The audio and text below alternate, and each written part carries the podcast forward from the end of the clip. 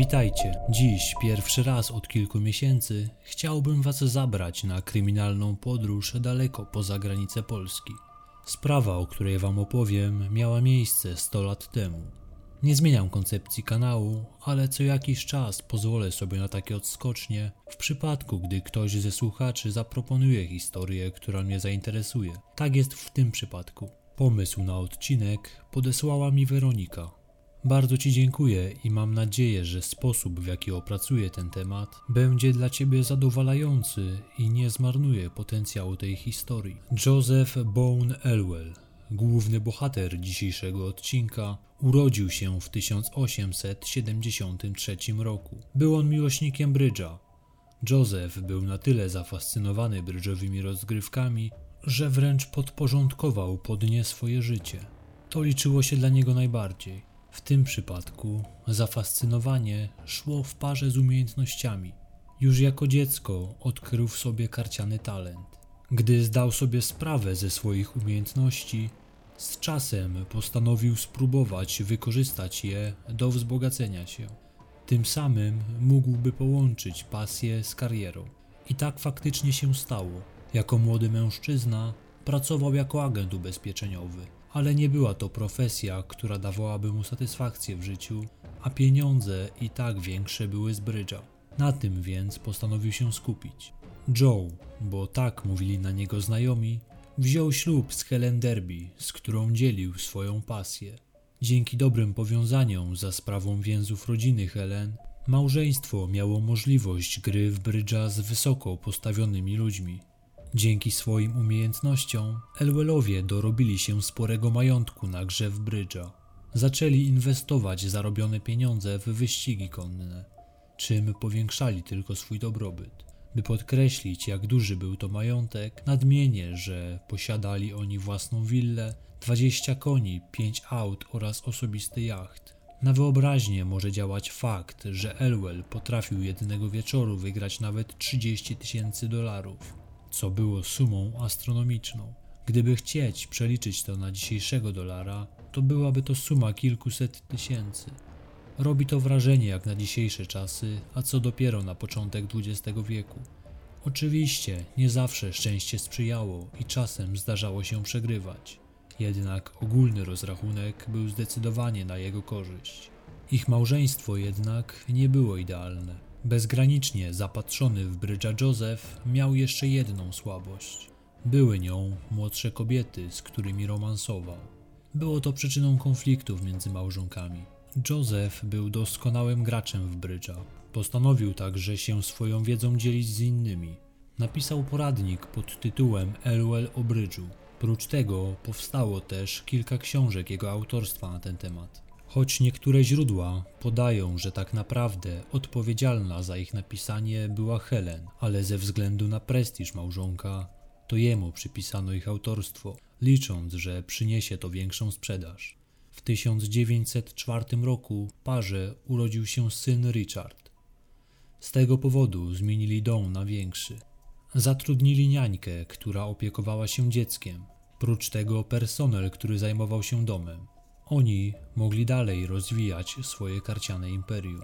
Prócz tego mężczyzna zajmował się handlem, a także inwestował na giełdzie. Ku rozczarowaniu Helen, z czasem Joe zaczął grać w inne gry karciane, w których znacznie większe znaczenie odgrywała losowość aniżeli umiejętności. Obawiała się, że przez to mogą stracić majątek, który tak pieczołowicie powiększali dotychczas. Od czasu, gdy pojawił się syn, relacje małżonków nieco oziębły. Helen więcej czasu spędzała z dzieckiem, a Joe wyjeżdżał na spotkania biznesowe i widywali się coraz rzadziej. Często wracał do domu późnym wieczorem pod wpływem alkoholu, gdy żona już spała. Ich związek podlegał powolnej degradacji. Sprawy nie poprawił wspólny wyjazd do Anglii, gdzie Joseph spotkał się z królem Edwardem, którego miał nauczyć gry w brydża. Po powrocie oddalali się od siebie coraz bardziej. Helen grała w karty w otoczeniu znajomych, bez męża, a ten czas spędzał z młodszymi kobietami.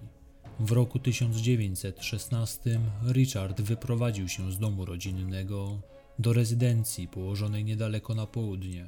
Od tego czasu małżeństwo było w separacji. W wyniku orzeczenia sądu Elwell był zobligowany do płacenia miesięcznie 2400 dolarów alimentów na wychowanie syna. W 1919 roku przeprowadził się do trzypiętrowego apartamentu. Wyposażenie tej rezydencji robiło wrażenie na każdym, kto go odwiedzał. Sam fakt, że posiadał wazy warte kilka tysięcy dolarów, czy obraz Rembrandta warty wtedy 17 tysięcy dolarów, robi wrażenie. W roku 1920 Helen negocjowała rozwód. Nie przejmując się zbyt bardzo sytuacją małżeństwa, Joseph wprowadził życie bogacza. Teraz mógł bez skrępowania obracać się w towarzystwie młodych, pięknych kobiet. 10 czerwca 1920 roku Elwell spędzał dzień w sposób podobny, jak robił to zazwyczaj. Miał spotkanie ze swoimi znajomymi w luksusowej restauracji na 15 piętrze nowojorskiego Ritz Carlton Hotel.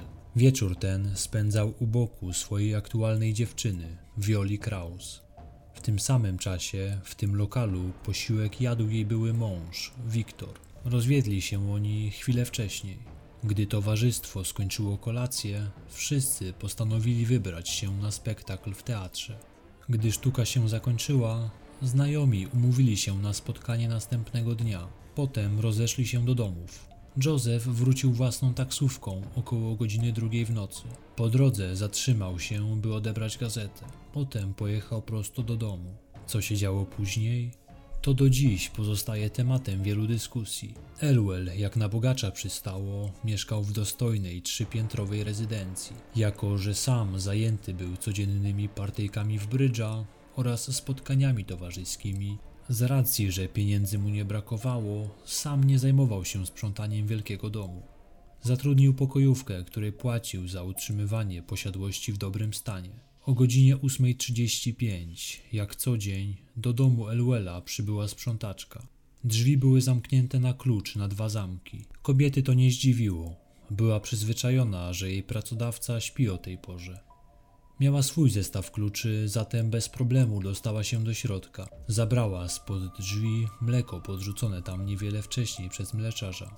Odłożyła mleko do kuchni jak zwykle. W powietrzu wyczuła unoszący się zapach palonych cygar.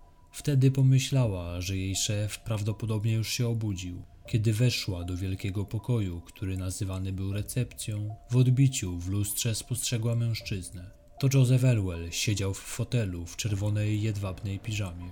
Na jego kolanach leżał list. Nieco zdezorientowana kobieta przywitała się i przeprosiła za wtargnięcie. Joseph jednak nic nie odpowiadał. Było to do niego niepodobne. Zawsze bardzo serdecznie się witał. Wyglądał niemal zwyczajnie. Gdy kobieta się zbliżyła, zauważyła jednak zakrwawioną dziurę w głowie mężczyzny. Na jego kolanach spoczywał zbroczony krwią otwarty list od trenera jeździectwa, a u jego stóp leżało kilka kopert. Józef nadal żył. Sprzątaczka zareagowała natychmiastowo. Wybiegła na zewnątrz z krzykiem, wołając, by wezwano policję. Rannego zabrano do szpitala o godzinie 8.55. Mimo iż dotarł do szpitala o godzinie 9.19, lekarze nie byli w stanie mu pomóc. O godzinie 10 stwierdzono zgon. Kobieta, która odnalazła siedzącego na krześle rannego, była jedynym znanym świadkiem. Policja od razu uznała, że nie był to napad na tle rabunkowym. Wszakże mieszkanie było zamknięte od środka, a z wewnątrz nie zginęło nic cennego. Policjant, który jako pierwszy pojawił się na miejscu, po pobieżnych oględzinach stwierdził samobójstwo. Oczywiście diagnoza ta była nieprawdziwa. Szybko zostało to zweryfikowane przez lekarza, który przeprowadził autopsję ofiary. Ustalił on, że strzał padł z odległości jednego do dwóch metrów od ofiary, zatem wykluczone, by Elwell strzelił sam do siebie.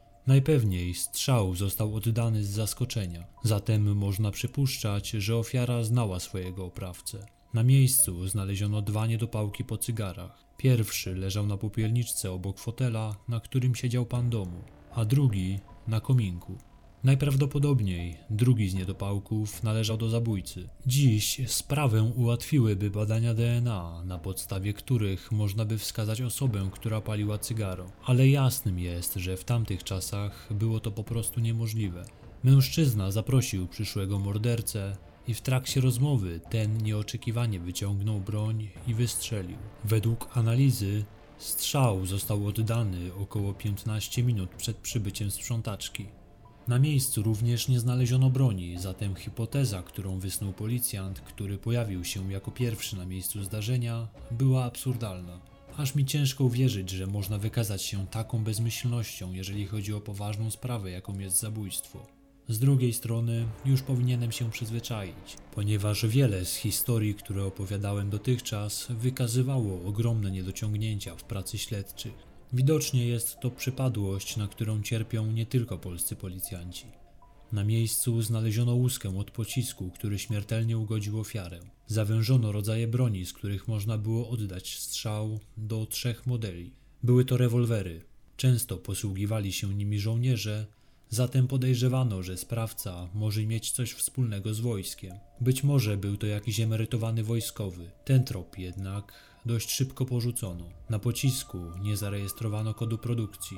Wszystkie naboje produkowane dla armii posiadały takowy kod. Trzeba było zatem szukać gdzie indziej. Co ciekawe, nikt z sąsiadów nie słyszał żadnego wystrzału. Pokój, w którym postrzelony został Elwell, znajdował się kilka metrów od publicznego chodnika, zatem ktoś z przechodniów musiałby usłyszeć wystrzał. O tej porze w tym miejscu zwykle był niemały ruch. Założono zatem, że sprawca musiał użyć jakiegoś tłumika bądź w inny sposób zagłuszyć huk wystrzału. Nie znaleziono żadnych śladów, które świadczyć by mogły o tym, że doszło do włamania. Zatem to kolejna poszlaka dająca podstawy podejrzewać, że sprawca został wpuszczony do środka przez gospodarza. Jednak w tej historii nadal wiele rzeczy się nie zgadzało. Joseph nie miał w zwyczaju przyjmować gości o tej porze. Potwierdzają to wszyscy jego bliscy. Sam ubiór mężczyzny wskazuje na to, że nie był on przygotowany na taką wizytę. Ktoś dbający o wizerunek z pewnością nie przyjąłby zapowiedzianego gościa w samym szlafroku. Prócz tego nie miał nałożonego na głowę tupecika, bez którego nie pokazywał się w towarzystwie. Nie miał również nałożonej sztucznej szczęki, której od pewnego czasu używał. Milioner nie pozwalałby ktokolwiek oglądał go w takim stanie. Większość znajomych nie miała pojęcia nawet, że nosi on tupecik. Byli przekonani, że są to jego naturalne włosy. Musiała być to zatem wizyta niezapowiedziana i nagła. Ktoś odwiedzający Josefa o tej porze musiał podać poważny powód, by ten go przyjął. Nikt z sąsiadów nie słyszał, by ktoś odwiedzał Eluela tego poranka. Jednak drzwi były zamknięte od wewnątrz. Okna również. Jak sprawcy udało się opuścić dom? Według śledczych nie było szans, by mógł uciec. Śledczy dotarli do listonosza, który tego poranka roznosił pocztę w okolicy. Z jego zeznań wynika, że o godzinie 7.20 przyniósł list do Józefa. Drzwi do domu były uchylone. Postanowił zatem zostawić zaadresowane koperty w przedsionku i zadzwonił dzwonkiem, by poinformować gospodarza o dostarczonej przesyłce. Zatem jeszcze po jego wizycie musiało wydarzyć się coś, że drzwi końcowo były zamknięte.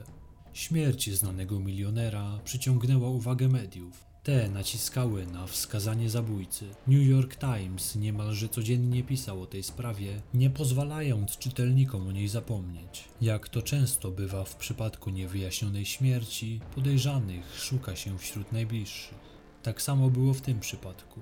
Pod lupę wzięto Helen Derby, ciągle obecną żonę ofiary. Miała w końcu motyw. Mąż ją zdradzał, a sprawa rozwodowa była w trakcie. Mogła czuć się urażona i chcieć zemścić się na niewiernym partnerze. Jednak przedstawiała ona solidne alibi. Na jego podstawie z całą pewnością wykluczono, by mogła być ona zamieszana w śmierć małżonka. Trzeba zatem było poszukać innego tropu. Z racji natury kobieciarza, Eluel mógł narazić się którejś z kochanek, która nie zadowalała się byciem jedną z wielu. Przesłuchano zatem wszystkie kobiety, o których kontaktach z ofiarą było wiadomo. Z przeprowadzonych rozmów wynikało, że część z nich była zapraszana do mieszkania Józefa. Niestety, ten trop również nie przyniósł żadnych efektów. Nadal nie było można stwierdzić, kto jest odpowiedzialny za śmierć milionera. W toku śledztwa ustalono, że rodzina kobiety, z którą miał przylotny romans przed śmiercią, groziła mu pozbawieniem go życia. Nie udało się jednak w tej sprawie ustalić nic konkretnego. Nic nie wskazywało na to, by ktoś z jej rodziny dokonał morderstwa. Brano jednak pod uwagę, że sprawcą mógł być któryś z partnerów kobiet, z którymi romansował Joseph. W pewnym momencie uwaga śledczych skupiła się na mężu Kraus, kobiety, która była z Elwellem na kolacji dzień przed jego śmiercią. W końcu jej były partner Wiktor pojawił się w restauracji w tym samym momencie, gdy oni odbywali spotkanie ze znajomymi. Niektóre ze źródeł podają, że był to dokładnie dzień rozwodu Wiktora i Violi, zatem gniew w nim mógł być spotęgowany widokiem kobiety, która tego samego dnia, kiedy się z nim rozstała, wieczorem tańczyła w objęciach innego. Śledczy dopatrzyli się motywu. To mógł być przełom w sprawie. Okazało się, że dzień po śmierci Józefa Wiktora nie było w jego mieszkaniu. Co więcej, o 10 rano wyleciał on do Atlantic City. Czyżby próbował uciekać przed odpowiedzialnością? Śledczym wszystko zaczęło układać się w spójną całość. Jednak kolejne ustalenia nieco ostudziły zapęd funkcjonariuszy pracujących nad tą sprawą. Okazało się, że Wiktor miał na wiele dni przed śmiercią Elwella zaplanowaną podróż służbową do Atlantic City i wcale nie uciekał przed policją, a wybrał się na konferencję inżynierów. Gdy wrócił z podróży, został wezwany na posterunek w celu złożenia zeznań. Zaprzeczył, jakoby miał jakikolwiek związek z zabójstwem. Przyznał się do posiadania broni, jednak jak się później okazało, nie pasowała ona do tych, które wskazane były jako narzędzie zbrodni. Śledczy dokładnie przeszukali mieszkanie mężczyzny. Niestety dla nich i tym razem nie znaleziono niczego, co mogłoby powiązać go z tą zbrodnią. Miał on również wiarygodne alibi, co wykluczyło go jako potencjalnego sprawcę. Kolejny wydawało się poważny trop, który trzeba było porzucić. Sprawdzono połączenia telefoniczne, jakie wykonywane były przez Josefa w ciągu ostatnich godzin przed śmiercią. Okazało się, że przeprowadził on trzy rozmowy. Pierwszą z nich o 4.39 nad ranem. Rozmawiał wtedy z Willem Pendletonem. Drugi telefon był do ojca o godzinie 6.09. Ostatnie połączenie było z numerem należącym do mężczyzny o nazwisku Warling. Wszyscy trzej mężczyźni odmówili stawienia się na komisariacie w celu złożenia zeznań. Co ciekawe, pan Warling zaprzeczył, jakoby znał ofiarę. Stwierdził, że nigdy nawet o nim nie słyszał. Pierwszy raz przeczytał o nim w gazecie bezpośrednio po jego śmierci. Jak więc możliwe, że Joseph dzwonił do niego jako ostatniego przed swoją śmiercią? Okazało się, że takiego telefonu nigdy nie wykonano. Całe zamieszanie spowodował błąd człowieka, który analizował rejestry połączeń. Żadne z tych połączeń nie zostały wykonane we wcześniej podanych terminach. Tym sposobem kolejne poszlaki poprowadziły śledczych donikąd. Sprawa była głośna, zatem nie brakowało ludzi, którzy chcieliby pomóc w sprawie bądź zwyczajnie zaistnieć. Policja otrzymywała mnóstwo anonimowych listów wskazujących osoby, które mogłyby mieć coś wspólnego ze śmiercią Josefa. Śledczy poświęcili mnóstwo czasu na sprawdzenie tych tropów, jednak nie udało się ustalić niczego konkretnego. Powstał jeden wielki chaos informacyjny. Okazało się, że różne gazety, które zwęszyły sensacje, podkręcały historię, byleby nakręcić sprzedaż swojego pisma. W ten sposób powstało wiele informacji, które dziś nazwalibyśmy fake newsami. Dziennikarze prześcigali się w różnych teoriach. Jedni pisali, że Elwell po powrocie z teatru udał się do klubu tanecznego, gdzie spotkał przyszłego zabójcę. Inni pisali, że wdał się w bójkę na ulicy. Wszystkie te historie można było zamieścić między bajki, ale żyły one własnym życiem w całych Stanach. W kwietniu 1921 roku pojawił się kolejny trop w tej sprawie. Mężczyzna nazywający się Roy Harris oświadczył, że to on jest sprawcą zabójstwa słynnego brydżysty. Jednak już wstępne przesłuchanie wykazało, że człowiek ten nie ma nic wspólnego z tą zbrodnią. Harris okazał się być niezrównoważony psychicznie. Nigdy nie spotkał nawet Elwella, a na czas morderstwa miał alibi. Żona potwierdziła, że spędził ten poranek u jej boku. Zatem to kolejny trop, który nie doprowadził śledczych do rozwiązania zagadki. Sprawa stanęła w miejscu. Nie znaleziono kolejnych podejrzanych, których można by obciążyć na podstawie jakichkolwiek dowodów. W roku 1987 brytyjski pisarz Jonathan Goodman opublikował swoją książkę, którą poświęcił tej sprawie. Zatytułował ją Zabójstwo Josepha Bone Elwella. Autor wysnuwa w tej książce teorię, że zabójcą miał być przyjaciel ofiary, Walter Levison. Motywem miałaby być zazdrość o kobietę. Leonarda Hughes była słynną tancerką. Przez jakiś czas była ona w związku z Josephem. Walter miał być w niej zakochany i jednocześnie chorobliwie zazdrosny o jej relacje z innymi mężczyznami. Według teorii autora miałby on zamordować Elwella z zazdrości. Jednak nie ma żadnych dowodów na to, że te insynuacje autora mają odzwierciedlenie w rzeczywistości. Zagadka okoliczności śmierci Josepha Bone Elwella wydaje się być niemożliwa do rozwiązania dziś. W całej sprawie pozostaje jeszcze jedna niewiadoma. Czy aby na pewno zeznania sprzątaczki były wiarygodne? Jeżeli zgodnie z tym, co zeznała, nie ma możliwości, by ktokolwiek opuścił mieszkanie, to może jednak coś w jej zeznaniach nie jest zgodne z prawdą. Okazuje się, że ukryła ona różowy szlafrok znajdujący się w jednej z szaf w mieszkaniu. Należał on do Violi Kraus. Czemu to zrobiła? Według jej teorii, po to, by chronić imię kobiety, która z zabójstwem nie miała nic wspólnego, a mogłoby dojść do wielu spekulacji na temat jej udziału w sprawie. Gdy wyszło na jaw, że ukryła szlafrok, śledczy zaczęli się zastanawiać, czy to jedyny fakt, o którym nie poinformowała policji. Skoro pozbyła się płaszcza, nie mówiąc o tym nikomu, równie dobrze mogłaby pozbyć się też broni. Przyznacie, że taki przebieg wydarzeń ma ręce i nogi, jednak trop ten nie został podjęty. A może było tak, że to Viola zabiła swojego kochanka? Najpewniej ostatniego wieczoru para się pokłóciła.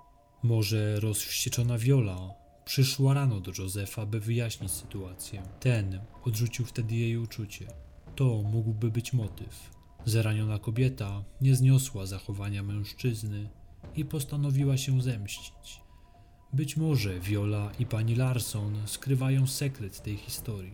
W tej teorii jednak nie pasuje fakt, że Elwell był bez tupecika i bez protezy. Bardzo mało prawdopodobne, by w takim stanie prowadził rozmowę z kochanką. Mimo wszystko nie znaleziono żadnych dowodów, które mogłyby potwierdzić tezę, iż Viola miała jakikolwiek związek ze sprawą. Jeszcze jedna wersja wydarzeń mogła mieć miejsce. Joseph faktycznie miał gościa. Świadczą o tym liczne ślady.